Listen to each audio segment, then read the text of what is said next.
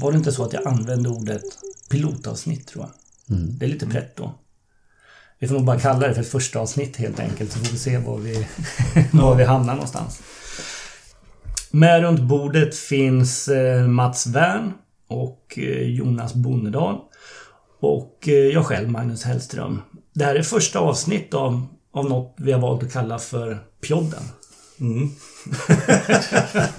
Fantastiskt namn Magnus. Ja, Ja, jag vet faktiskt inte hur bra det där blev riktigt. Eh, Men i brist på någonting annat så... Eller det är kanske svårt att ändra namn när man väl har lagt ut ett avsnitt. mm. Så kan det säkert vara. Ehm, eh, I bästa fall så kanske vi lyckas producera något avsnitt i månaden. Kanske tätare under säsong och, och glesare under lågsäsong gissar jag. Det hela sker under eh, BirdLife Sveriges flagg. Och eh, ja, vad ska vi prata egentligen om i podden? Jag kan nämna vad jag själv har, har tänkt i alla fall så får vi se om ni har något att fylla på med. Jag har tänkt att vi ska prata lite grann om eh, aktuell bestämningsproblematik. Eh, jag har tänkt att vi ska prata lite grann om roliga taxonomiska grejer. Kul fågellitteratur. Kanske lite grann om optik, foto eh, eller annan teknik som, eh, som lanseras och dyker upp och som är roligt att prata om. Och kanske lite intervjuer med spännande gäster och sånt också. Har ni några andra tankar? Dina tankar är fina. Det låter bra. Sen tror jag man tar det där. Vi går in i högsäsong här nu i höstsäsongen och jag tror att det blir väldigt mycket aktuella reflektioner, tankar utifrån fältintryck och annat. Absolut, så tror jag också att det blir. Jag vet inte om vi behöver göra någon recap eller något sånt på... Ja, men vi kan köra runt bordet här. Har ni varit med om något kul på sista dagarna? Eh, Sträckläte på fjällpipare är ju alltid roligt. Och Trevligt. nöt- Ja. Det är skoj. Eh, nej men det var som vi diskuterade också. Det var... Den här hade det här... Eh, lite mera enstaviga eh, utan rull. Var, var- det den du hade på udden häromdagen? Ja, precis. Nere Den var, ner, Ottenby? den var ner och vände en igår. Kul. Och den bara kommer ner och så har den det här lite ljusa, som en, en vadar enstavigt utan rull. Och det lätet, vi snackade om det, skulle man utan att se en fågel, skulle man clincha en sträckande fjällpipare på det lätet? Eller det andra lätet som man hör ibland, som där den har ett litet, eh, först ett hårt anslag och sen ett litet eh, tunt rull, ett, ett eh, lite skört rull tycker jag eh, i det hela. Men det är ganska karaktäristiskt och det är nästan så typiskt att man kanske skulle utan ens att se fågeln våga bestämma den. Men eh, jag vet inte vad... Ja, det tror jag att du skulle. Jag tror också det är, ändå, det är ändå ganska många gånger som man har hört fjällpipare och tänkt fjällpipare och sen hittat fjällpipare. Nej, men jag håller med dig. Det- Och sen är det intressant just det där du säger med lätet, det där rullande, lite vemodiga, väldigt karaktäristiska. Det är ju inte jättemycket bra inspelningar ute när det gäller just till lätet. Och, och förmodligen för att det är svårt, för det är, det, är, det är sträckande fåglar och det är under flytttider. Och det där lätet tror jag är jag är osäker på hur pass vanligt det yttras under häcktid, när det är kanske är lite lättare att, spela in fjällpipare. Men, men visst är det ett, ett karaktäristiskt och det tycker jag nog att det räcker med en hörd individ för att man ska kunna clincha den. Jag är nog lite inne på Jonas spår också och tänker kanske att den stora orsaken att man ändå känner en viss... Ja, att man gärna ändå skulle vilja se fågeln. Det är nog egentligen för att man har lite för dålig träning på dem bara. Det, det, det, det är för få individer man, man har helt enkelt. Ja, det är sant. Sen är det alltid en fråga om hur många gånger man hör. Hör man det bara en gång? Får man höra det tre gånger? Får man höra det under bra förhållanden? Det här med att höra ett läte en gång är ju alltid darrigt. Ja, jag håller med. Trevligt. Jonas? Ja, men det har varit trevligt. I helgen dels började det väl vara lite streck på gång och kul att se ortolansbarr på hösten. Det var länge sedan jag gjorde det nu på Öland, tyvärr. Eh, fin obs idag. Du hittade Mats. Eh, det blev diskussion om åldern bland annat. Inte helt lätt ju. Men eh, det var säkert en Diskussion, jag ungfågel. blev ju vrålkapad. ja, så kan man kanske säga. Hur var det nu? Ortolansbarr rugga. Komplett. så att eh, det där med fjäderslitage, jag vet inte jag. Eh, nej, men det var en rolig obs var det. Ja, jag håller med. Eh, lite trevliga trutobsar också på udden i morse. Eller det kanske var innan ni kom förresten. Ja, det, visst var det i och för sig en del trevliga men... Vi eh, tog lite sovmorgon om man säger så. Så kanske var jag. Ja, såg du micken? Nej, men det var efter vi hade åkt va? Eller efter jag hade på gått, tror jag. På, Jaha. som ligger på Olle och Berra hade. Kul, roligt. En ungfågel. Mm. Ja, ja, roligt. Skojigt. Hörde ni att de på Bingsmarken hade tagit typ 130 gräshoppsånger eller något? Oj, oh, jävlar! Ja. Får man svära i den här podden? Vid väl valda tillfällen. Ja, men det här var väl valt tillfälle. Jajamän. Ja, det var faktiskt... Ja, men hur mycket brukar de ta per säsong? Nej, jag vet inte. Och, och jag vet inte om han kör med bandare heller. Det, det är mycket möjligt att han gör. Jag hörde rykten också om att det var 10 000 gula det var nytt dagsrekord för Falsterbo. Oj, För några veckor sedan eller när det nu var. vad kul. Ryktesvägen bara har jag hört det. Ja. Roligt. Det rullar på. Det börjar bli höst.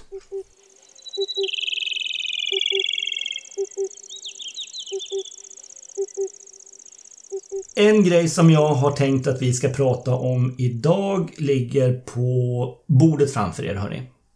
Ja. Eh, ganska ny, eller ja, man måste ändå säga väldigt nyutgivna Handbook to the Western Palearctic Birds av Shirihai och Svensson. Ja, några grundintryck från första bläddringarna. Ja, det är helt fantastiskt. Eh, Jag blir jag blir både dels glad och, och det är som alltså, bilder och annat. Det är som en coffee table-bok. Man kan ju bara sitta och njuta av bildmaterialet utan att bara ströbläddra och bara bli glad. Samtidigt så faktum att det första jag tänker på är den närmast, det går inte att ta in den arbetsinsats och den, det som är lagt ner för att få fram en, ett sånt här verk. Jag kan knappt fatta det faktiskt, hur man ror i land ett sånt här projekt. Eh, helt otroligt och eh, ja, det är bara att lyfta på hatten. Det är, ju- det är ju vi som kan njuta och, och um, använda och ha nytta av den här boken, eller böckerna. Fantastiskt. Ja, jag är beredd att hålla med den också. Mats, vad tycker du skiljer ut den här boken ifrån, ifrån, ifrån andra, ja om vi börjar med andra fotoguider till exempel? Som sagt, jag ska vara uppriktig. Jag har tänkt lite så här att nu ska jag skåda. Och sen ska jag liksom ha i vinter, ska jag frossa i den här boken. Ja men liksom man, ungefär som man sparar. Tänk att du har en väldigt bra skönlitterär bok. Och så vill du inte, du vill inte, du vill samtidigt läsa men du vill också vänta, du vill ha det framför dig. Så jag, jag har tittat in i en, en del såklart. Eh, det jag tycker är ju det här med de taxonomiska kommentarerna är ju det som eh, är väldigt värdefullt tycker jag. Det är kul. Jag har läst en hel del utav recensionerna som har publicerats eh, online på olika ställen. Eh, generellt sett så har den ju mottagits eh, fantastiskt väl utav i, i princip alla som har, eh, som har skrivit någonting om den. Eh, en liten grej som irriterar mig som jag tänkte höra med er om det är det faktum att många utav recensenterna verkar, eh, de verkar störa sig lite grann på att, de, att, att, eh, att författarna har valt, att, eh, har valt sin egen taxonomi. Att de inte följer en, en eh, enad taxonomisk storhet, till exempel Clemens eller IOC eller någonting sånt. Hur, hur tänker ni kring det? Nej, det tycker jag bara var... Det, vi är ju lite i någon en orostid vad det gäller det här. Vad ska vi, vad ska vi följa för, för taxonomi egentligen? Då måste man väl bara se det här som en ytterligare input egentligen. Ytterligare spännande input. Så jag tycker inte, det, det ser inte... Jag trodde att du skulle säga att de har tyckt att den är lite brokig i layouten. Det har de också tyckt. Okej. Ja. Ehm, Jag har hört några stycken som har, eller läst några stycken som har klagat att de tycker att den är kanske lite rörig och sådär. Och jag har hört någon som tycker att den är omodern i layouten också. Ehm, Jag vet inte, för, för min egen del tycker jag någonstans att det kommer i andra hand. Liksom. Att, det, att det trots allt i första hand är textinnehåll och, och i andra hand bild, bildinnehåll som, som, ehm, som är det viktiga i det hela. Hur tänker du Jonas gällande, gällande eh, den taxonomiska behandlingen? Ja, men jag är benägen att hålla med Mats att se det här som en partsinlaga i väntan på, vilket jag hoppas faktiskt ligger runt hörnet, att vi någonstans har en gemensam syn och får slår ihop många av de här stora eh, förlagen och eh, de olika listorna som gäller så att vi får en mer samsyn på detta. Därför att någon, någon, absolut sanning, det inser alla att vi inte kommer ha. Det här är på något vis vår önskan att dela in det på ett rimligt sätt och det finns olika uppfattningar. Men det finns en väl, jag tycker den övergripande poängen med att ena oss, eh, alltså absolut in i Europa men faktiskt i, i, i större delen av världen, den skulle, över, alltså den skulle ju vara, fördelarna skulle vara så mycket bättre än att alla fick säga sin mening eh, när dagen är slut. Men vi är ju inte där än. Men vi kanske kommer dit snart. Eh, fick ju några små hintar om det från eh, IOC, rapporter från IOC som pågår nu. Och då tycker jag att kommer vi dit hän, men då ska man sluta med sånt här att göra sin egen indelning i en bok. Men så länge eh, så, så, har ju Svensson och, och eh, Shirahai eh, all sin rätt att ha, ha, sin version av det hela. För det, är ju, det här är ju ett stort verk, det här kommer bli ett referensverk. Så det här är ju en ganska stor och tung, eh, i, i, min mening. Eh, deras ord väger ju tungt i den eh, aspekten i så fall. Det hade ju nästan varit synd att missa i och med att Lasse är så otroligt initierad och intresserad av de taxonomiska frågorna och har gått igenom alla de här skinnserierna. Då skulle man ju missa hans ståndpunkt i det här. För nu får ju han ett tillfälle att säga vad han tycker. Om han skulle följa en lista så skulle vi missa den. Det är det som är lite kul att han ändå... Jag håller med. Jag håller med till 100% också och, och det är också det här som jag som jag vill invända så att säga mot, eh, mot de recensioner som jag har läst. Jag, jag, jag, tycker inte på något sätt att det är en svaghet att man, att man har valt sin egen väg. Jag tycker tvärtom att det, att det är en styrka. Eh, I inledningskapitlerna så har de ju redovisat för den metod som de har, har använt så att säga, alltså som, som har varit beslutsgrundande i deras, deras taxonomiska användning, eller ja, deras taxonomiska indelning. Um, och jag tycker att det är en, en, eh, ett, ett, ett fullt tillräckligt skäl så att säga för att välja sin egen väg. Och jag tycker också att det är just det som gör boken unik och det är det som förhöjer värdet på boken. Det är i princip det som gör den oumbärlig tycker jag. Um, fotomaterialet, har ni hunnit njuta något av bilderna? Har ni några favoriter? Jag tyckte den där hybridtörnsgatan från... Eh, var det sen du hade tagit Magnus? kan... det, var ju, det var ju synd bara att bildtexten blev fel där. Precis. Det, det, leder oss ju över på, på min nästa punkt här. Jag ska säga... Eh, jag, måste ju, jag måste bara säga så att jag, jag får välja den där Jakutensislöv-sångaren från, från, från Tixi. Det var ju bara synd att det var lite dåligt, var lite lite dåligt ljus på den och, möjligtvis lite högt is och mats, men annars var den fin. Vadå? Ja, det måste jag kolla på. jag har faktiskt inte tittat på hur det Din bild. eh, vi kommer tillbaka till det här med Törnsgatan här snart. Jag skulle bara vilja... Det, det, är uppenbart att ni båda två inte har hunnit egentligen um, fördjupa er riktigt i boken. Mm. Jag själv åkte på en... Uh, jag skulle göra en... Uh, en bomben faktiskt. Uh, på syrran.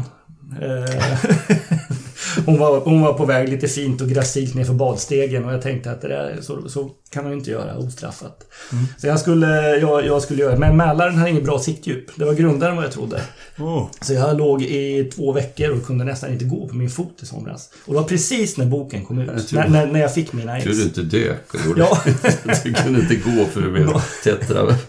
Någon slags självbevarelsedrift har jag. Men de där två veckorna, eh, boken räddade de sommarveckorna. Ja, kul. Men du hade en del inblick innan väl i boken? Du jo, har ju varit ganska delaktig. Jo, så är det. Eh, precis, vi är ju några stycken, ja, några stycken ifrån, ifrån Ottenby som, eh, som har varit med och eh, faktagranskat eh, alla bildtexter i boken. Och det är rätt mycket. Det är ju 4-5 tusen bilder totalt och sen är det ju många hundra bilder eller kanske tusen som, som, eh, som, som inte kom med i boken till slut också. Så det var ett ganska digert arbete. Det var Aron Edman och eh, Simon Christiansen och, och, och jag som har jobbat med det i, ja det är säkert fyra, fem år eller någonting sånt. Så det var lite, det var lite extra kul när, eh, när boken kom ut här. Men eh, okej, okay, då kanske ni inte har hunnit skaffa er någonting att klaga på heller? Eller upptäckt små misstag eller andra saker? Nej. Nej. Absolut inte. Det är ofrånkomligt. I en sån här gigantisk produktion så är det ju eh, helt ofrånkomligt att, att, att det sker små misstag och sådär. Mats nämnde min Törnsgata här alldeles nyss. Det är... Eh, fågeln i fråga är en hybridtörnsgata som plåtades uppe i nordvästra Mongoliet. Eh, precis vid foten av, av Altaj kan man säga. Det är en, eh, en, en hybrid. Och det är ju det här taget precis i, i hybridzonen. Isabellinus eh, törnskater och, och, och Colurio törnskater. Ehm, det var gott om sådana hybrider här. Mats var med när, när, när vi fotade, när vi stod och tittade på fågeln, när vi plåtade bilderna. Ehm, och den har ju också en jättestor vit eh, handbollsfläck. I bildtexten som jag också då ska tillägga att ingen utav oss har fått sett på förhand. Det var en av de få bilder som de har tagit med som, som vi aldrig fick kommentera.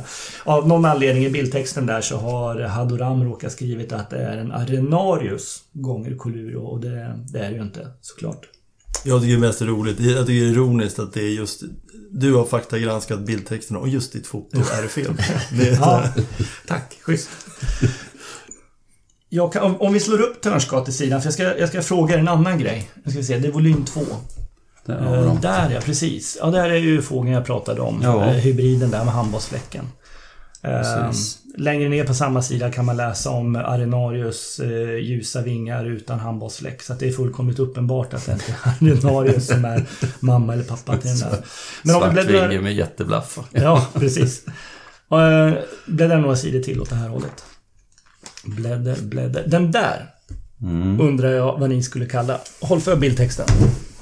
Nu kollar vi alltså på, ska vi säga vilken sida vi kollar på? Ja, vad är vi på sidan? 176, längst upp till höger så är det en hanfärgad Törnsgata. Den är inte så ljus på undersidan. Jag skulle, jag skulle säga spontant skulle man skulle jag ändå säga Isabellinus. Men så skulle jag säga den där, den kanske är fotad på gränsen mellan Kina och Kazakstan då.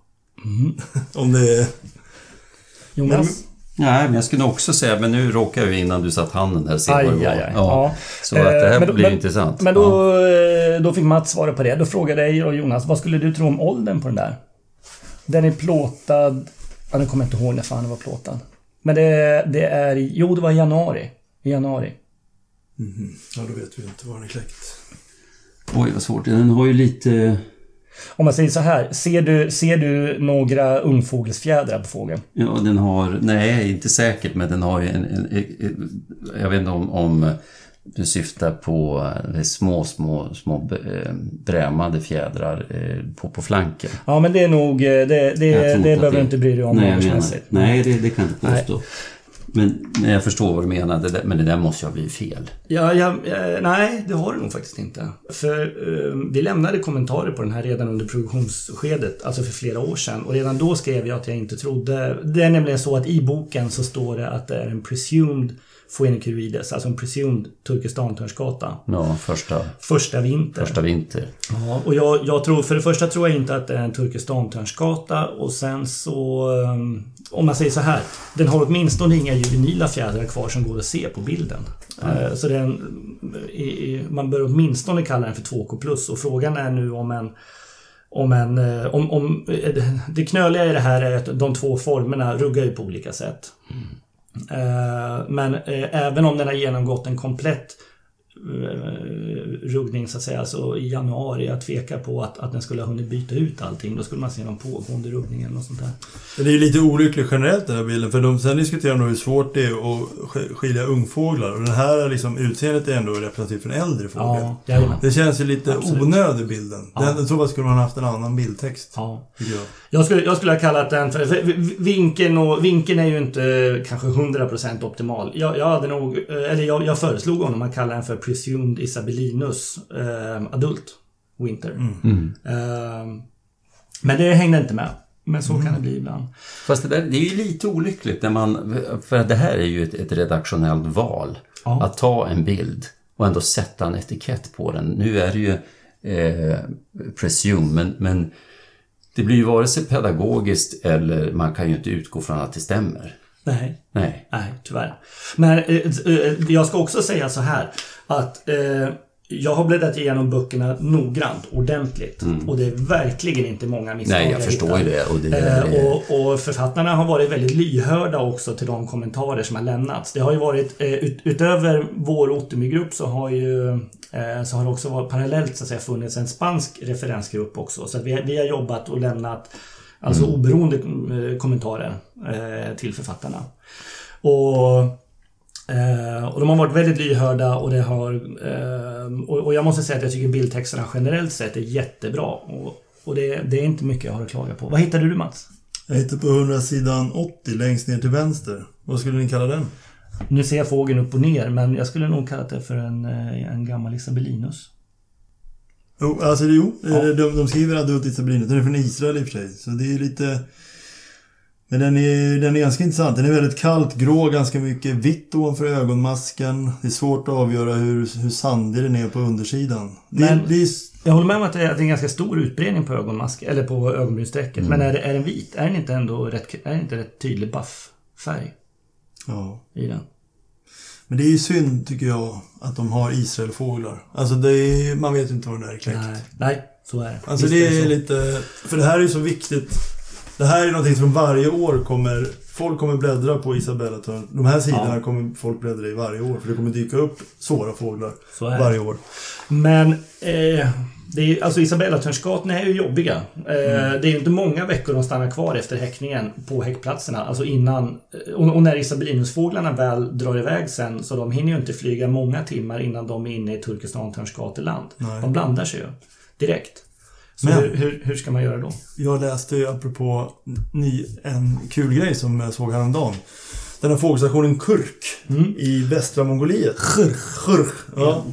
Den ligger ju inom safe Isabelinusland. Den är Ja. långt ifrån Phoenicurides. Ja. Och ganska långt norrut. Så det är ju långt ifrån de här, även Saidamensis, de här lite Ja. konstigare formerna längre söderut mot Kina. Och de fångar, de började fånga i år redan 10 augusti. Och de tog, fasiken tog de 12 stycken Isabelinus. Och då är det ju lite, det är ju spännande. De är då safe. kanske man bara skulle kunna få lite material på ungfåglar. Ja, just det. Mm. Eh, Alltså som är långt ifrån. Ja.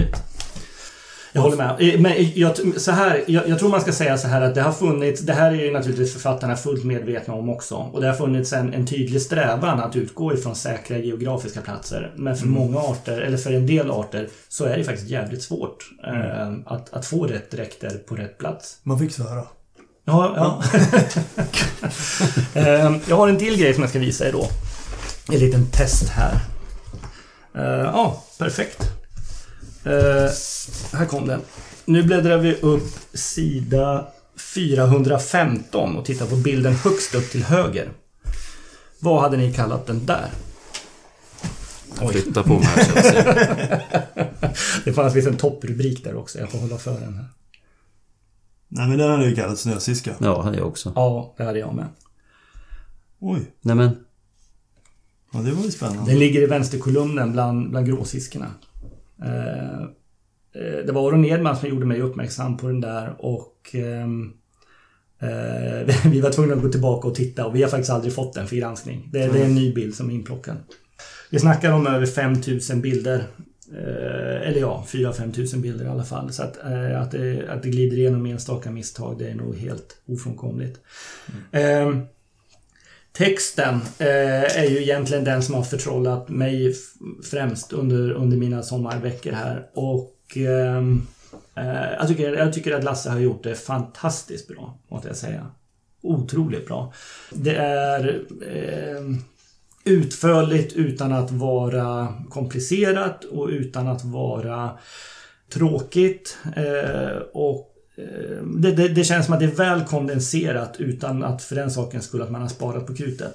Ja, Jag tycker det är riktigt, riktigt fint gjort. Kartorna är fina också. Kartorna gjorde av Magnus Ullman. Ja, Fantastiskt fina också.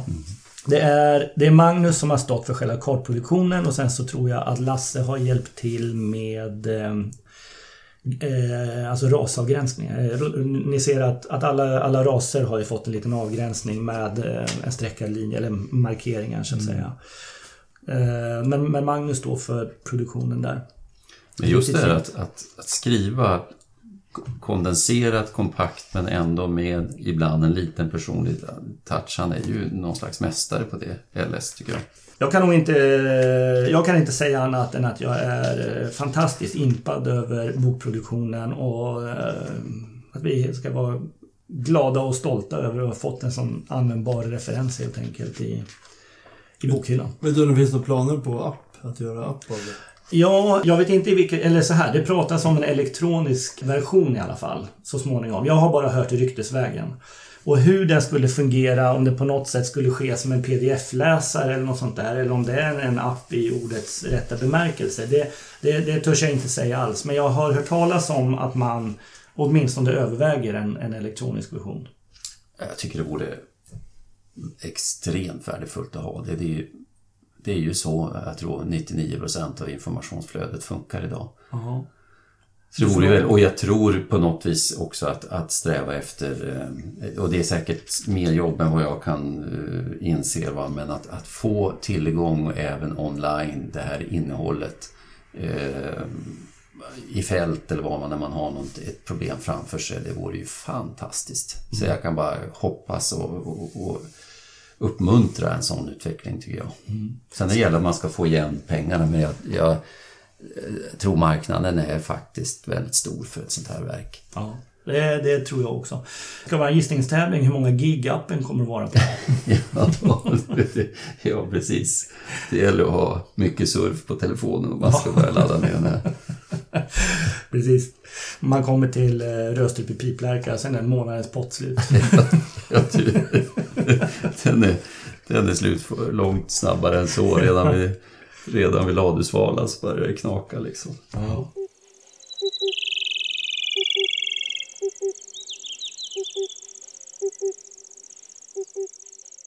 Hörni, Saxaul-sångare, Dagens Art. Har ni sett bilderna? Ja, ja absolut. Ja. Ehm, ja, ordet är fritt. Ja, varför har man inte tillgång till sin egen ö i, i någon skärgårdslandskapen? Det är ju det första. Det är lite orättvist det här känner jag. Men, ja, men jag, sen tycker jag väl, alltså första intrycket så, så ja, för mina ögon ser det ju väldigt bra ut för saxalsången, för Rama helt enkelt. Mm. Det, den känns väldigt kortvingad och långskärtad i, i proportion. Och så i, i allmänt trevligt också så att det, det ser väl bra ut. Mm. Ja, Mats? Ja, jag tycker också det. det var ju kul. Man är lite uppdaterad i och med att man fick läsa på igen efter den här fågeln i Västerbotten. Där jag trodde fel från början. Den trodde jag vid första fotona var en, en Kaligata. Men eh, sen när man läste på och fick andra foton och så fick man ju kolla. Så man har det ganska fräscht. Och den här tycker jag är nästan ännu bättre näbb. Det tycker jag också. Den är ännu mer långnäbbad. Så den är ju liksom, den här känns jättebra. Sen är man ju alltid sådär, hur kaxig ska man vara? Så man började, ett tag tänkte jag, Vänta, har man, har man full koll på de här äh, nordafrikanska eksångarna? Ja, så, så, och då, börjar faktiskt... man, då börjar man darra i den. Men, sen, alltså, men jag tycker det är roligt att det... Den ser ju så bra ut. Eh, men det är roligt att du nämner eksångar, för det är ju nästan snarare så att tankarna går ditåt än till Kaligata på när man ser de här bilderna. Så det, det... Tycker ni det? Jag, jag, jag vet inte fan om jag tycker det. Ja, men jag tycker den här, den är... Eh, på någonstans går den utanför ens, ens eh, bildbibliotek för Kaligat där i alla fall. Ja, kanske. Men det är så här, alltså eksångare för mig är ju liksom... Förutom, förutom att det, den, är, den är lite kraftigare. Ja. Men, men om man säger själva grundintrycket, de fåglarna går ju ändå ganska tydliga gråskalor. Ja, med. Gör de. Och det, det här är ju liksom en sand... Det är en mm. sandfärgad sak. Ja, ja absolut. Um, ja, det, det som är kul med den här fågeln, det är det som... Det var Jonas som påtalade för länge sedan på Kaligata, att de har en svag rödbrun ton i vingen. Ja, just det. En rostton. Och, och, den, och det har ju Kaligata, men det har ju även Rama ser man ju mm. nu. På de här senaste fåglarna har man ju lärt sig det. Och det kanske är även liksom ett hjälp mot eksångare. Liksom. Ja, det, tror, det de här två, båda de har ju den här tonen. Och den är rätt påtaglig på de här höstfåglarna som man ser. Det är ju eh, helt klart en, en tydlig röd ton där på ja, det blir som vinkpanelen kan man säga. Han har ju sett fågeln riktigt fint, det förstår man ju utav, utav bilderna. Mm. Eh, han har också mejlat mig en, en länk till en YouTube-video. Tyvärr så får jag inte filmen att fungera. Men jag tror att det skulle förvåna mig om man, om man på, på videosekvens så att säga inte har fått med stjärtrörelser och sådana saker. Ja, så jag, jag tror att det jag vet att jag kollade på en video på en brittisk eh, rama för några år sedan och den sprätte ju och knyckte med skärten ordentligt hela tiden. Och, så att den här videon tror jag kommer att vara... Jag skulle bli förvånad om, om man inte kan klicka den boxen också så att säga. Men annars håller jag med. Jag tycker också att det här är en fantastiskt kul och fin rama kandidat. Och det är, ibland tycker jag det är slående. Jag har sett det på några andra europeiska fåglar med att de ser, de ser så jävla enfärgade ut. De, de har inte de här eh, alltså mörkare tertialcentren och täckarcentren och det här utan de, de, de, är, de är bara plain, rakt över. Mm. Kul tycker jag, Mats, du nämnde Västerbottensfågeln där och eh, som det var en, en hel del diskussion och precis som du nämnde där så, så gick jag nog också lite vilse åtminstone en av de första bilderna som man fick online medan de såg fågeln där. Men sen kom det ju fler bilder och man satt ner i lugn och ro så, så blev det väl mer och mer tydligt att den också drog mot ramahållet och, och så. Men det som som Joakim Lessman som var en av observatörerna på den fågeln, det var inte han som hittade fågeln men han eh, stod mycket för dokumentationen. Det är att titta på även utifrån bilder och mäta eh, stjärtlängden, antingen stjärtspets till övre stjärttäckare till undre stjärttäckare testade han. Och så vingen, om man har en fågel rakt från sidan, så mäter man från vingspets till eh, spetsen på, på längsta handtäckaren. Och så kollar man kvoten där och det spelar ingen roll, utan i och med att det är en kvot så spelar det ingen roll hur mycket man förstorar bilden eller någonting. Va? Så, så utifrån ett, ett synnerligen begränsat material, utifrån alla de felkällor som kan vara när det är just bilder på nätet. man, det är svårt att veta om man har en exakt från sidan, så det kan kanske bli fel här, givetvis. Så det är inte testat på ett skinnmaterial, men det är ändå tydligt hur det här skiljer sig mellan Rama och, och, och Caligata. Det är ju och, och, nu mätte jag för skojs skull på, på Bondestams fågel och den faller synnerligen väl in i Rama. Mm. Den var väldigt lik i proportion, för den här har ungefär lika lång stjärt som den har vinge. Alltså den är en kvot på ett. Och, och så, så att det stärker ju det hela också. Vi får kalla det för eh, Lessmans kvot. Just det, ja. det får vi göra. Eh, jag gjorde också samma mätning och hamnade på ungefär samma resultat som du. Däremot så känner jag mig lite osäker eh, för att jag tyckte att fågeln hängde lite väl med vingarna. Man fick nästan mm. kompensera upp lite grann eh, för att veta vart man skulle lägga linjalen. Så jag, jag, jag frågade Bondestam om Um, om, om nya bilder helt enkelt. Jag hoppas att det dyker upp här under kvällen. Men jag trodde han, mät, han mätte stjärtlängd. Ja. Mäter han, mätte han inte från vingspetsen till stjärtspetsen? Jo, oh. gjorde han. Det är vingspets till stjärtspets ja. va? Ja. Du har alldeles rätt. Han har, han har ju till och med sammanställt det här i ja. fint kalkylark så det var jag som gick vilse där på TC och... Vad var det för jävla kvot du fick tag i då? Ja... Det kanske blir rätt ändå. Det kanske faller ändå ja. hyfsat. Ja, precis. Nej, vi, vi får inte hålla på, på slira när det gäller Lessmans kvot här, så det är viktigt att det blir rätt. Ja. Vi kanske ska tillägga det att den Västerbottenfågeln som ni pratade om, det var den som, som sågs ute på, var det på Lövebådan för ett år sedan? Ja, nu ska vi se, var det inte på Paradisön? Aha, okay. Ja, grannön till, eh, till Lövbådan. Okay. Men, men, upptäckt av Thomas Sundström. Okay. Men, men för ganska exakt ett år sedan va? Vad var det för datum? Ja, var Lite senare. två år sedan. Var det? På. Ja, nej. nej, men kanske var ett år sedan. Jag kan... Ja, det måste ha varit i fjol. Men var det september eller? Ja, det var, det var senare nu i alla fall. Var det. Mm. Ja. Eh, det var i, precis, eh, den eh, 3 september vad jag kan se, ja. Mm. Och den... 3 september 2017. Mm. Ottenbyfågeln, raman därifrån? 19 augusti tror jag. Mm. Ehm, 02 om jag minns rätt. Jag är inte helt säker på det. Nej, det ska bli spännande att se eh, fler bilder och, och, större bilder och den där videofilmen på fågeln också. Men ja, vi är väl alla rätt positiva, försiktigt positiva kanske man ska säga till det hela.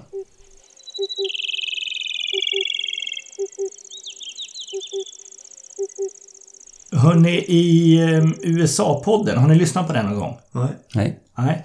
Eh, de har en liten kul grej där som de alltid avslutar med som jag skulle vilja kopiera lite grann. De har nämligen lite rundgång kring bordet där eh, deltagarna berättar lite grann om vad de inte har kunnat släppa under de gångna veckorna. Ska vi köra en runda vi också? Absolut. Ja. Vad har ni inte kunnat släppa från de sista veckorna? Mats? Jag vet inte, det är en gammal vanlig sån här tanke som, jag, eller som, som man funderar på. Det är den här när vitkomsnäppan dök upp nu i Bergshamn. Så eh, den var ju där ett dygn, eller var den där en dag bara? En, en, under en dag tror jag. Men sen då försvann den därifrån. Och tio timmar senare så hittas den här fågeln i Ottenby. Eh, har man kunnat, eh, man kunnat härleda fågeln, det var väl du som gjorde det och Aron, att det är samma individ. Och då tänker man på det där, man, när man står på en udde och ser massor med fågel sträcka och vi vet att det bara strömmar fågel och vi tänker att det är, det är så mycket rariteter som passerar oss obemärkta som vi aldrig hittar. Eh, och sen kom, dyker såna här upp. Och vi har flera sådana exempel. Vi har, eh, vi har den här ringmärkta brunsångaren från Björn som sen återfångas i Holland eller vad det var. Och, eller var det England? Jag kommer inte ihåg. Ja, Holland. Ja, Holland. Det var någon dvärgsparv på Ottenby som eh, tre dagar senare upptäcks en halv mil norr, norrut på Öland. Eh, vi märker nu alla örnar som fotas och så ser vi att det är faktiskt samma örnar som flyger fram och tillbaka. Alltså vi hittar ju, vi återfinner fåglar. Vi är inte så dåliga på att hitta, att vaska fram de här rariteterna. Och samtidigt då så tycker man ibland att jag får, jag får inte ihop det. Jag blir lite frustrerad. Liksom. Hur, hur bra är vi på att vaska bland alla miljoner fåglar som passerar oss? Eh, den där, jag, får inte ihop det riktigt. Mm. Alltså i, eh, när det ändå blir relativt många återfynd av individer. Mm. Av, alltså, och det är ju enklast med rariteterna. Det är de vi, det är de vi eh, för under lupp. Eh, Ja. Jag håller med. Eh, det finns ganska gott om sådana exempel idag. Ja, Även på tättingssidan. Alpbjörnsparv. Ja, just det. Alpbjörnsparven. Mm. mm. Hoburgen, utklippa. Ja. Um, ja, roligt. Jonas, vad har du inte kunnat släppa? Jag kan nog inte jag, släppa, men jag blev eh, helt betagen av det faktum. Vi har just kommit hem från Alaska eh, av ett flerårigt forskningsprojekt där. Så jag har ju besökt eh, Barrow, eller som man nu säger Utqiagvik i nordligaste Alaska ett flertal tillfällen nu sista åren. Och eh, några gånger i början på säsongen, i början på juni och det är ju ett fantastiskt ställe att njuta av, av praktidesträck och alla vadare när de precis anländer tunnan där. Nu var det i augusti och det var en annan karaktär. Men jag fick ju då rätt på att just i sommar när jag då inte var där i juni utan i augusti istället på, på ja, av, av fältarbetsmässiga skäl så fick jag rätt på att nu i juni en dryg vecka kring midsommartid så höll det till ett rosenmåspar, eller egentligen tre individer, två adulta och en tvåkofågel som på något vis hävdade revir nere vid en klassisk lokal som heter Freshwater Lake. Eh, och om ni vill ha lite sköna bilder så gå in på eBird, sök på rosenmås och Alaska och så tittar ni på de ganska många bilder som är publicerade från det här paret. Vad jag vet så, så känner jag inte till att det var några svenskar där under den tiden. Det var mellan 17 juni och 1 juli. Eh, det brukar nästan alltid vara någon grupp från Sverige som, som gör den klassiska Alaska-resan inklusive Barrow. Det hade varit kul att få någon feedback om det var någon som var där och fick njuta av det här paret. För det är ju faktiskt fortfarande en närmast mytisk drömfågel för mig i alla fall att se på häggplats. Eh, helt fantastiska bilder och jag kan inte sluta tänka på det där. Så att, eh, Vad är närmaste häckplatserna i, i Alaska och Kanada på den sidan? Alltså... Oh, jag vet för dåligt. Jag vet att alltså, den är ju lurig rosenmås i och med att den, jag menar huvudhäckningsområdet är ju i östra Sibirien men att det ändå är så det är regelbundet par i, i, uppe i, i nordöstra Kanada, alltså i höga Arktis. Finns det några öar där, där de har till och med bedrivs ett projekt där de har, har satellitsändare mm. på, på rosenmåsar där. Sen vet jag också att det finns uppe i nordvästra Grönland. Eh, jag hörde nu möjligtvis utanför Ilulissat så finns det en ö där det regelbundet har häckat rosenmås. Mm. Tyvärr det här paret som förgyllde Churchill-besökare på 90-talet, det var nog länge sedan det, man såg några rosenmåsar där. Sen tycker jag också det är intressant, de här kanadensiska grönländska paren, de verkar inte bli alls så rosa under, under häckningstiden, de är ju snarast kritvita. Eh, så var ju också Churchill-måsarna. Mm. De var härligt rosa, de fåglarna som var i, i, i Barrow i sommar i alla fall. Sen är det ju så att snart om en, om en månad det börjar ju peaksäsong där för rosenmåssträcket. Eh, också eh, högt på wanted-listan för mig, men, men ja. Vilket där. håll går det strecket åt? Ja, det är det som är så lurigt, att det är, det är huvudsak åt öster. Och det, det är första veckan i oktober när dagarna blir väldigt snabbt väldigt korta där i, i väldigt långt norrut. Men Vänta, de... öster, de går alltså inte mot Beringsund? Nej, De sträcker in och det där har ju förbryllat. Det var därför det har varit så mytiskt kring Rosenmås. Eh, var de övervintrar och hur sträckor går till i och med att det är en sån, sån stor östligt sträck den tiden på året. Sen vad jag förstår så tror jag nog att de, de snurrar nog lite grann i Beauforthavet där, givetvis. För de, alltså de, de övervintrar inte i packisen och, och i mörkret utan eh, rimligen någonstans vid isgränsen när det går ner mot Beringsund. Men just då, den tiden, det streck som går nära kusten, det är i huvudsak östligt riktat. Mm. Jag håller, jag håller med dig Jonas. Det där är en art som eh, den, den eh, till skillnad från ja, blåstjärtar och sibiriska piplärkor och stepphökar. Det, det, det är en art som aldrig har tappat auran på något vis. Nej, faktiskt inte. Det är, nej, otroligt. Ja. Magnus, vad har jag inte kunnat släppa? Jo... Eh, min är lite nördigare eh, faktiskt. Jag, satt, jag frågar mig inte hur jag hamnade där, men jag hamnade på en Wikipedia-sida om Danmarks geografi för några dagar sedan. Och, och, eh, där Danmarks extrempunkter var listade. Nordligaste punkten Skagen, västligaste punkten Blåvandshuk, eh, sydligaste punkten Gedser, östligaste punkten Kristiansö. Någon lite skär precis utanför Kristiansö. Säger er de här namnen något? Ja, ja, ja. ja. ja precis. Men eh, Grönland är inte med då? Nej, nej naturligtvis. Men eh, nej, det som slog mig är ju att eh, det finns ju faktiskt bara tre och en halv fågelstation i Danmark. Eh, och de ligger på de här punkterna.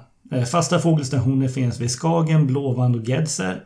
Och sen finns det ju en liten ambulerande station kan man säga ute på, eh, på Kristiansö. Mm. Välvalda, välvalda punkter. Så ser det ju inte ut i Sverige. Vi har Nästan. ingen...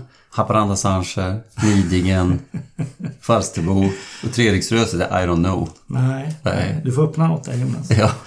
Hörni, eh, tack så mycket för den här gången. Vi får se när vi återkommer nästa gång. Förhoppningsvis har det blivit lite mera höst och kanske lite tätare mellan, eh, mellan de spännande, spännande upptäckterna också. Vi hörs och syns. Mm.